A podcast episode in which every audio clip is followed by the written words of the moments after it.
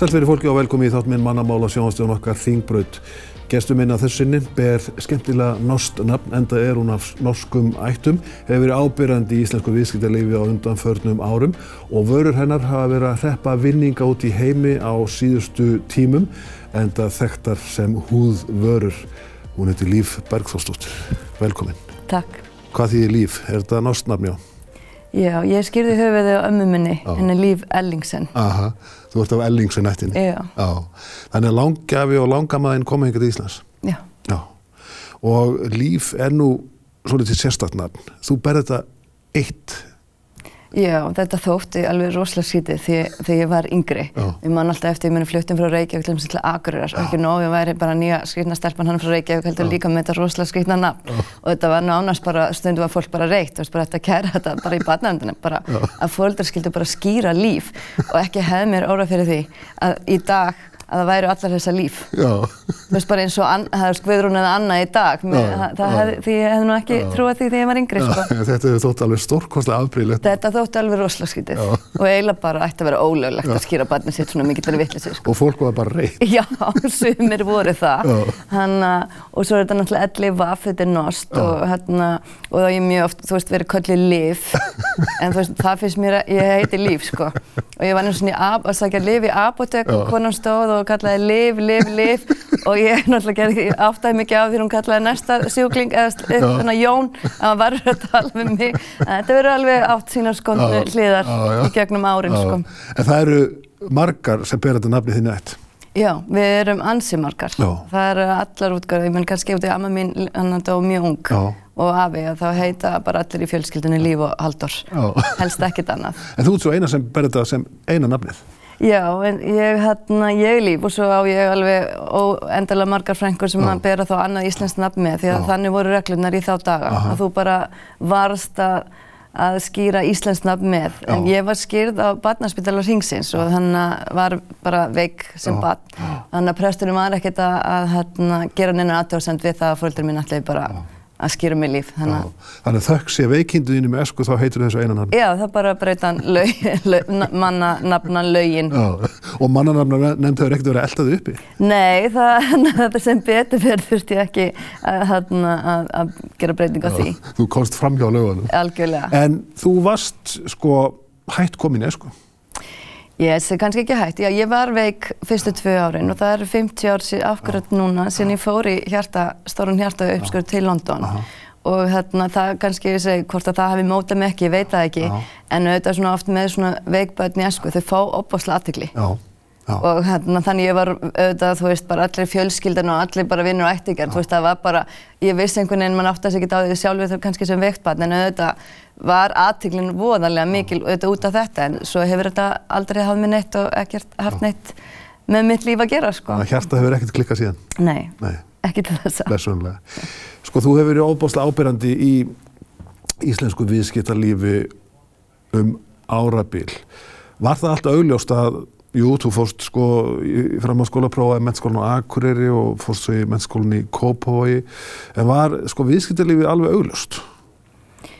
Ég er svona kannski út frá námsvali. Já. Þá var það alveg í raunverulega frá því ég byrja í menturskóla algjörlega það sem að höfðaði mest til mín. Þú veist, mér, þú veist, ég var ekki sterk í lestrafögunum, mér, þú veist, gekk betur í starffræðinni og viðskiptafræðinu á þessum árum, hún var raunverulega mjög mikið svona fjármál og endurskoðað miðu. Það var ekki, það voru eiginlega ekki komin inn sko valla stjórnun eða markasfræði eða, eða þannig að það var auðvitað svolítið kannski myndi segja kannski þurft en henda bara var algjörlega mitt áhuga svið. En þú prófaðir strax. hjúkun á það ekki? Nei, ég vann eitt sumar á spítala hérna, og ég bara held ég kæmist ekki gegnum það sumar sko, þegar bara, og eins og segi, það tók mig bara tvo daga að komast að því, ég myndi aldrei starfa í heilbriðskeranum sko. Þannig, og ég hef bara verið rosalega ánað í, bara alltaf þótt rosalega gaman að vinna. Já. En að hverju þóldur ekki spítalan? Þetta var bara ekki fyrir mig, alveg alls ekki sko, hérna, og, og ég bara einhvern veginn fann mig strax bara í þessum viðskipta fögum. Já.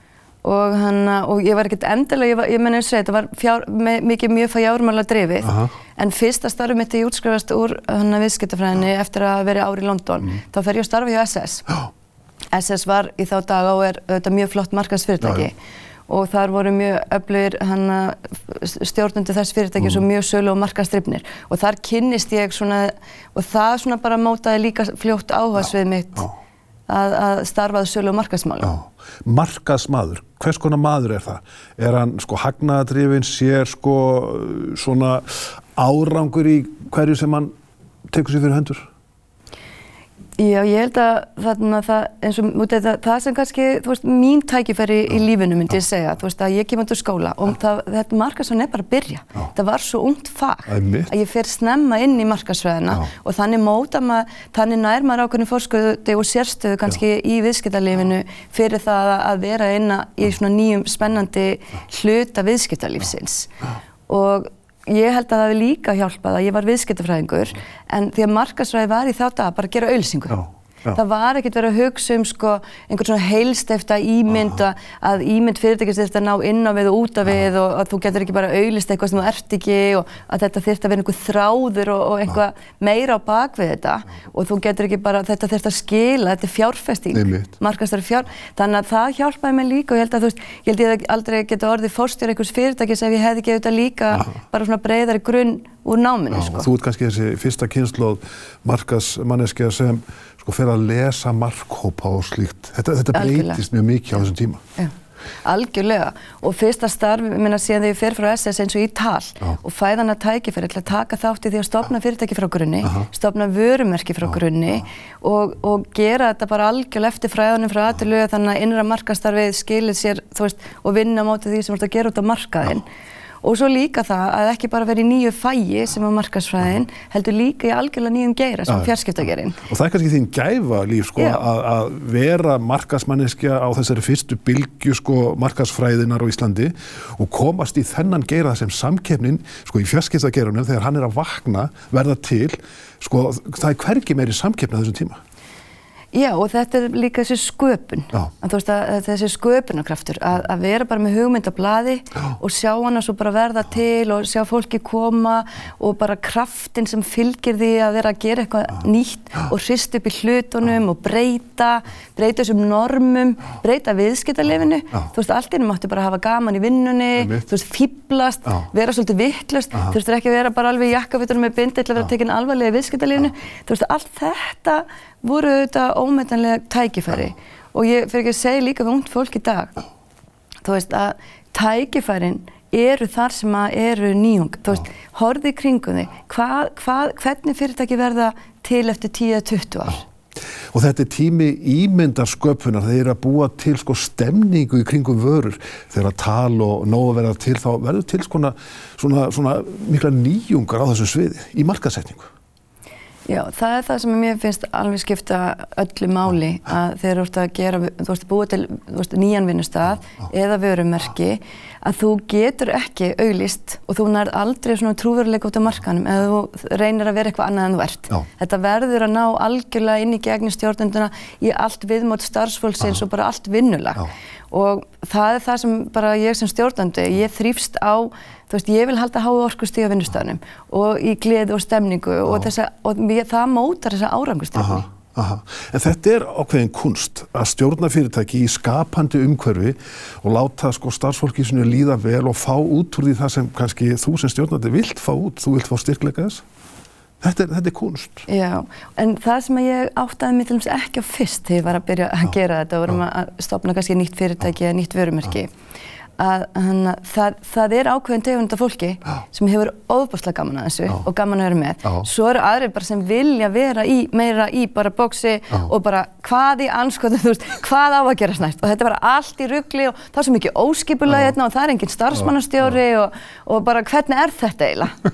og það er ekkert að því að það sé eitthvað að því fólki en þá kannski bara líður betur í annars konar fyrirtækjamenningu, annars konar vinnustad og, og, og kannski þá svona hjá fyrirtæki sem ég get eldur orðið stjórnandi hjá sko. þannig að það, það lærðu við líka svona með árunum að þú veist hvernig fólk uh, viltu, þú veist, að þarft að hafa í liðinu mm. og, og hverjir hafa gaman af nákvæmlega þessa stemning og ég trúi því að þetta er bara svona einlega til að ná árangri og svona svo leið sem að ég, ég nýtt. Já, uh, sko það er oft talað um leiðtóa hefni. Uh, sko leiðtói þarf að vera drífandi, hann þarf að vera fyrirmynd hann þarf að fyrsta upp í liðinu og fá það með sér. Sko, hvernig hefur þér tekist upp? Sko, ég, þarna, eins og ég segi, þú veist, auðvitað hef ég byrjað sem stjórnandi, mér fannst það ekkert auðvelt. Nei. Mér fannst það ekkert auðvelt fyrir 20 eitthvað árum, kannski 20 ára, þú veist, að vera einhver stjórnandi eitthvað fólk, meira vesinni þarna á þessu fólki og þú veist, kunnin alltaf bara ekkert endilega að díla við þetta. Og svo bara auðvitað þróskast maður og maður, kannski ég hef verið heppin gennum tíðin að vera með sjálf með sterkar fyrirmyndi, já, fyrirmyndir, já. sterkar stjórnandi sem ég hef unni fyrir og lært af í gegnum tíðina. Og svo held ég að skipta máli að vera bara maður sjálfur. Já. Reyna ekki að ve- verða einhverju stjórnandi sem er með einhverjar hugmyndir um bara, maður verður einhvern veginn bara að, að vera maður sjálfur og óhrættu við það. Já. Og kannski bara, og stundu bara svolítið hugra, bara þú er að standa fyrir sínu. Akkurat. En sko talandum að vera maður sjálfur, þú ert auðvitað kona og konur í atvinnlífinu hafa verið að sækja óðbóðsla fram blessunarlega og sko blómstra í atvinnlífinu nú til dags en þegar þú ert að byrja fyrir nokkrum áratugum þá var þetta ekki sjálfgefið. Þá var konum ekkert endilega tekið vel í stjórnunastöðum og það var svona verið að gera sumpart grínaði vegna þess að menn heldu, vel að merkja kallmenn, heldu að konur ætti ekkert í að að stjórna atvinnlífi. Var þér tekið með forbókulegum hætti? Ég myndi segja svona, auðvitað hefur maður kynst alls konar, þú veist, í gegnum tíðin og sérstaklega, þú veist, hann, ég menn, ég vann eitt ár í London, þú veist, fyrsta starfum mitt eftir skóla. Já. Mér var náttúrulega bara hátíð að koma til Íslands eftir það. þú veist, það var ofta að spyrja mig hvernig finnst þér svona að vera einu í hópnum, þú veist, mér það, var náttúrulega bara ekkert mál. Já. Mér var náttúrulega bara London var bara einhverjum áratugum á eftir. Já. Og meina, auðvitað er, er þetta búið að vera alls konar, en mér meina, ég hef líka kannski valið mér Þú veist, ég, ég kem inn í startup, Já. ég kem inn í nýjan geira, Já. ég er í marketing, ég held, þú veist, þannig að þú veist, ég fann bara einhvern veginn mína, mína leið og auðvitað voru ekki margar stelpunnar kannski á þessum tíma, en ég hef alltaf verið með sterka kvennstjórnendur líka með mér og mér bara þótt gríðarlega mikilvægt sem stjórnandi gennum tíðina að vera með eins blandaðan hóp og hægt En fannstu ekki fyrir karlægu umhverfi á þessum vinnustöðum þegar þú varst að byrja? Jú, en maður vissi bara ekki að það væri karlægt. Nei, nei. Þú veist, maður vissi ekkert að, að, að, þú veist, maður vissi ekkert hvernig það væri, þú veist, maður vissi ekki að það væri, að, þú veist, maður vissi eiginlega ekki að væri neitt heldur að þessu. Þú veist, auðvitað fannst manni stundum kannski erfitt að móta sig, en það má heldur ekki glemja, strákunum fannst það líka alveg. Já. Og ég segi líka alveg bara, ég menn, ég og marga vini sem segja bara, herri, já, þeir eru kannski ekki, þú veist, þeir fengu ekki endilega sem er tækifæri og ég þó þeir væri kallkins. Já, já. En það hefur ekki alltaf með kynin að gera. Þetta er stundum að vera réttum maður, á réttum stað, á réttum tíma, með réttum... Þetta er líka alltaf svolítið hefni og leita hefnina svolítið uppi. Og ég hef líka alveg stöð, ég hef líka alveg verið í aðstöð þar sem ég segi bara, herri, ég fyrta bara enga vinninni hóp, ég, þú veist, og þá verður óhrættur að breyta til. Og það held ég að ég hef kannski líka, að ég hef bara farið og fundið mér einhvern veginn þá staði, bara óhrættur að lappa út ef hérna, ef andrúrslöftið er ekki rétt. Líf Bergþórsdóttir, gestur minna þessu sinni. Að afloknum auðlýsingum ætlum við að tala um nýjasta ævintýrið í lífinar bioeffekt vörurnar sem hafa fengið verlun víða um heima á undanförnum vikum, mánuðum og misserum og það er saga að segja frá.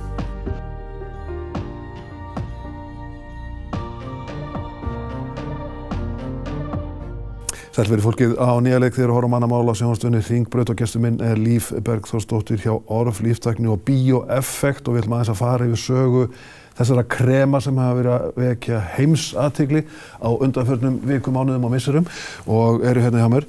Uh, sko, Orf Líftakni er að framleiða uh, vörur sem enda svo sem krem og þetta er mikill svona áfangasigur í framleiðslu vörulína á Íslandi. Við erum að ná heimsatekli fyrir, fyrir þessa vörur en, en sagan er svolítið sérstök vegna þess að orf líftækni verður til fyrir á að gíska 20 árum. Já.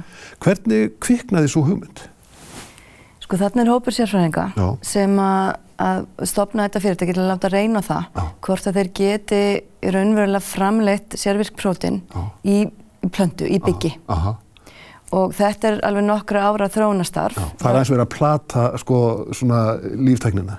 Já, það er raunverulega verið að, veist, það er verið að gera þessi efni í alls konar tækni. Aha. Það sem þeir voru sérstaklega að láta reyna á er þetta þessi plöntulíftækni. Já. Hvort það sé hægt að, búa til þessi sérvirku prótin, þeir velja byggplöntuna Já.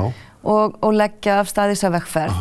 Og þá var alveg, var ekkert endilega, þú veist, svona séð fyrir í hverju, Já. þarna, í hvernig vörum Nei. þetta myndi enda. En var auðvitað hort til alls konar rannsóknarstofa og livja yðnaðarins. Þannig að sko byggi verður hálfkonar, hálfkonar, svo eins og konar sko staðgöngum Já. þessa prótein sem Já, við fórum að segja. algjörlega. Já. Já. Og þar dafnar þetta prótein. Já, og við ræktum þetta, menna allt þróunastarf félagsins fer fram bara í höfustöfum okkar í Já. síðan erum við með gróðrús í Grindavík, þar eru raunverulega plönturnar bara ræktar út, þegar plantan er tilbúin, Já. þá er raunverulega plantan tekin og fræin, un, þessi efni unnin úr fræinu Aha. í höfustöfum okkar aftur í Já. og þar fyrir öll raunverulega líka nýsköpun og þróun á húðverðalínni bæjafægt fram. Já. Og þetta efni sem þið fáið úr bygginu, þetta prótein, það sko endur nýjar húðina ef svo má segja. Já, þetta EGF efni, þeir sem er virka efnið í biofekt húðurlínunni, þetta er efni sem við erum raunulega öll með í húðinni, en með aldrinum þá svona fer, að, fer það að minka og það er fer húðin að eldast. Já. Og þetta gerist mjög hratt eftir tvítugu, en þetta gerist sérstaklega hratt eftir svona breytingaskeiði sérstaklega hjá konum og, og köllum upp á fimmtugu. Láttu mig ekki það.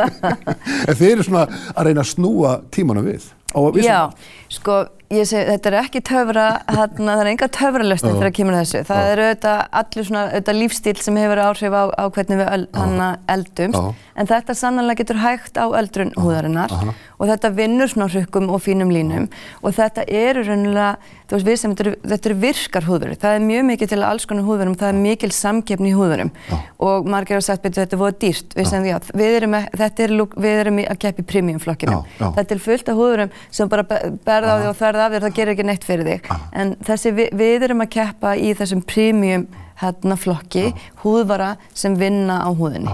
En hvernig sko endar þetta? Ég meina sko þessi krem, krem hafa vissulega vakið mikla aðtiklu og eru verðlunuð núna sem aldrei fyrr. Endar þetta með því að sko að andlit hjá menni verður bara ungt og, en líka mjög gamall? Eða Hvernig, hvernig sér Ég, held að þú veist þetta, svona við, þetta er svona meira spurning um að eldast svona gracefully.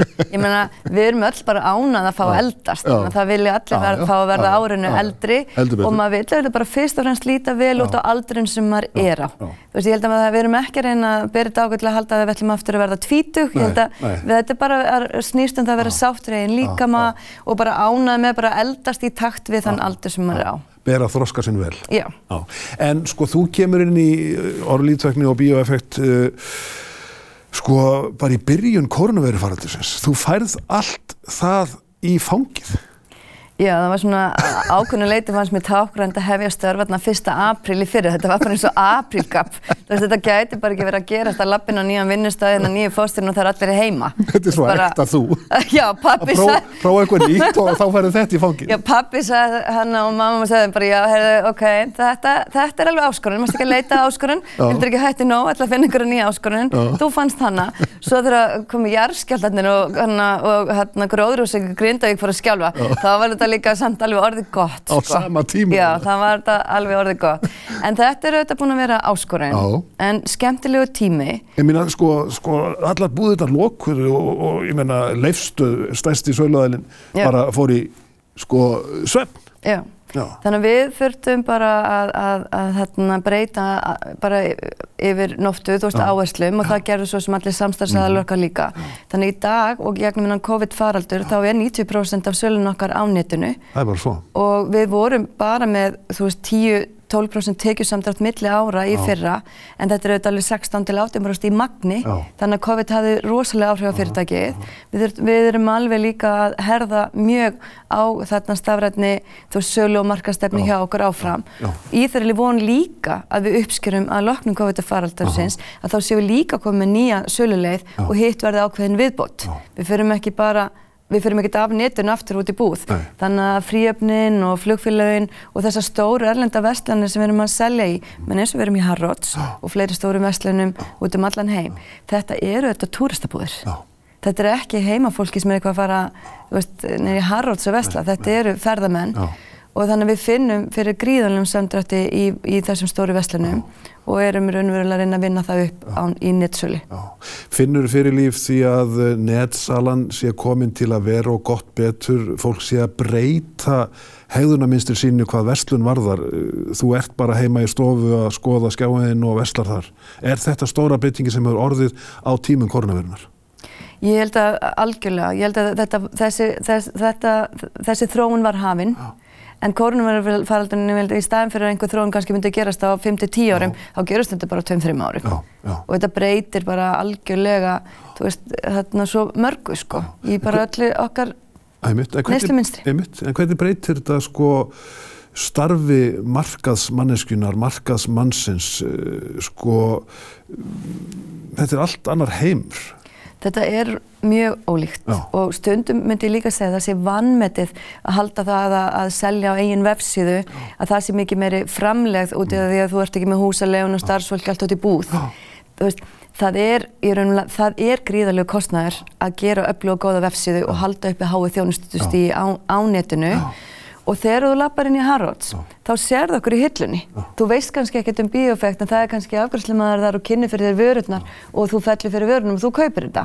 En þú kemur á netið og það er einhver risavaksam F-síða og þú gerir andlitskrem en það koma bara 650 vörunumur upp. Og það er áskonum hvernig ætlar að ná í gegn í þessari gríðalögu samkeppni Og þá er það sem við höfum með okkur í Íslandi og það sem við höfum með okkur í bæjaföktu húðverulinni ja. og það sem gerir okkar markasetningu, veist, á að geta gert, að láta okkur standa út úr. Mm -hmm. Við erum að nýta Ísland. Ja. Við erum með íslenska vatnið í okkar ja. húðverum. Við erum með gróðuröksöku fyrir Grundavík. Við erum með ofbóðslega mikið af fallegu og öflugu og Instagram netvænu hérna, kontenti til að miðla í okkar markastarfi.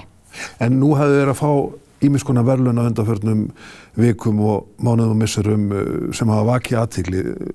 Þessi verðlun hljóta að skipta miklu máli.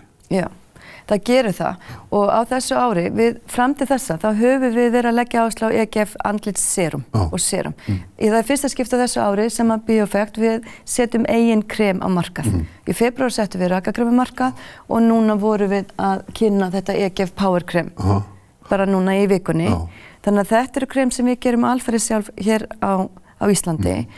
og þau hafa, kremi sem við settum á markaði februar hefur undið fjöldaveluna sem besta nýja rakakremið -huh. og þetta kremið þegar búið að hljóta sín fyrstu velun -huh. í Breitlandi hjá þarna Woman and Home mhm. -huh. sem besta nýja húðvöruvaran. Já, en sko af hverju þessi velgengni? Ég menna við erum litla Ísland að búa til húðvörur í sko samkeppnisheimi þar sem eru sko hundruð vara af öllu tægi. Akkurju gengur Íslandi svona vel á þessu sviði? Já. Ég myndi segja sko, þú veist, að minna, ef maður horfir á bara svona bara alþjóða samingi, þá erum já. við ennþá bara pínulítið fyrirtæki í Íslandi. Já. Og ég tel að biofækt húðurlínan og það sem sem tróð með fyrirtækinu, ég tel að við hefum gríðarlega mikið inni. Og við náum, þeir eru uppseflu að loknu COVID. Ég held að í auknafl, í dag, þá eru neytundur upplýstari en þeir voru áður. Og við erum að, að, að, að bjóða húðverur í floknum svona Þetta er kallað clean and pure beauty. Þetta eru hreinar húðvörur -huh. með fáum innhaldsefnum og við erum bara spot on í fyrsta vali neytenda í dag. Þetta eru tíu ára gömul húðvöralína en ég held að hún hefur aldrei talað jafn vel til neytenda og svona það sem er val neytenda í dag í húðvörum. En sko þið eru dæmi fyrirtækis þar sem að markaðsetningin hefur tekist afskaplega vel og markaðsetning hefur ekkert endilega verið sko uh, hátt skrifuð á Íslandi ef við horfum til síðustu 50, 60, 100 ára þá vorum við fyrst að, fyrst að framlega landbúnaður og fisk og seldum hann með svona ákveðinu hefni og, og klíkuskap og hagsmannatengslum til bandaríkjana, gamli sovjetríkjana niður til spánar og svo framvegis uh, sko markaðsetning er í rauninni galdra orði í dag, hún er sko eiginlega meira virði heldur en framlegslan sjálf mm -hmm. er, er ekki svo? Já, og það er kannski líka eins og þetta nefna kannski með, með kjötið og fiskinu og það er líka þessi verðmætta sköpun, Já. ekki bara, þú veist, að, að, að, að bjóða þetta bara eins og þetta hvernig getur þú, hvað hefur framfæri, menn við erum ekki bara með einhverju húðverur, við erum sannlega með húðverur þar sem við erum sjálf að rækta mm. hann að, veist, ekki að virka efni húðurum. Við höfum bara þann trúveruleika, þessa sögu að segja Já. og svo þarf bara allt að ganga upp. Það verður um, umbúðunar og ímyndin og vellagningin og, og, það, og það eru stansleisar áskorunir í þessu. Já. Því í dag, eins og til dæmis bara í umbúðum, Já. bara breytingin sem verður líka, hann að auðvitað við öll að vinna í, hann að með áhuga á að bæta veist, þessi loftlagsmál og bara þessu ofsalega upplýsti neytandi í dag. Hann lætur bara ekkert bjóða sér eitthvað sem er mengandi eða, eða er er, þú, þú, þú ert ekki að blekja neytundur á internetun í dag sko. Þannig þessi, þetta er ofsilega þróun á svo mörgu hérna, sem mun gerast núna í kjölfæra COVID. Trúveruleikin byggir á réttum upplýsingum. Já. Já. Uh, áttu vona því að við náum enn lengra á þessu sviði sko við erum náttúrulega óbáslega skapandi þjóð líka í atvinnulífinu þar sem nýsköpun er sem aldrei fyrr. Uh, eigum við mikið inni sem Íslendinga, sem íslensk þjóð sem er sko viðþórslaus í, í sköpun sinni? Ég held að það sé ekki spurning Já. og ég held að sérstaklega tímum sem þessum. Þa, það, það, það eru þetta þegar kreppir að. Já þá held ég, þá náttúrulega bara kemur einhver farvegu fyrir mm allt þetta að blómstra. Já. Í góðarinn þurfa allir hafa ná að gera, það hefur bara engin tíma að gera eitthvað nýtt. þá verður við lödd. Já, þá verður við bara lödd og, hérna, og höfum það gott. Já, já. Og þa það er nákvæmlega þessu umhverju sem við erum í núna sem að þetta bara, það hérna, er mikilvægara en, en, en nokkur tíma að, að hafa Líf eh, Berghansdóttir blómstrar í sko harðri samkeppni, nýsköpun og markaðsetningu, uh, festundu flikkflagg úr einu fægi annað. Sko, sér þið fyrir að fara í eitthvað allt annað næst? Sko, það var líka margir spurt mig, þú veist, er þetta bara, er þetta eitthvað allt annað? Þú veist, ég segi kannski þessu nóba. Þá er maður að vinna með bara hópi sérfræðinga sem eru bara algjöru nördur og við deltum fjárskiptartekni og einhvern veginn það maður bara reyna að skilja það og tólka þetta yfir á markandi neytanda. Og það er ekkert öðru sem er þetta. Nú er bara með hópi einhverja vísindamanna og það er bara einhvern veginn að tólka það sem þeir eru að gera út af markaðin. Þannig að fyrirtækin eru nú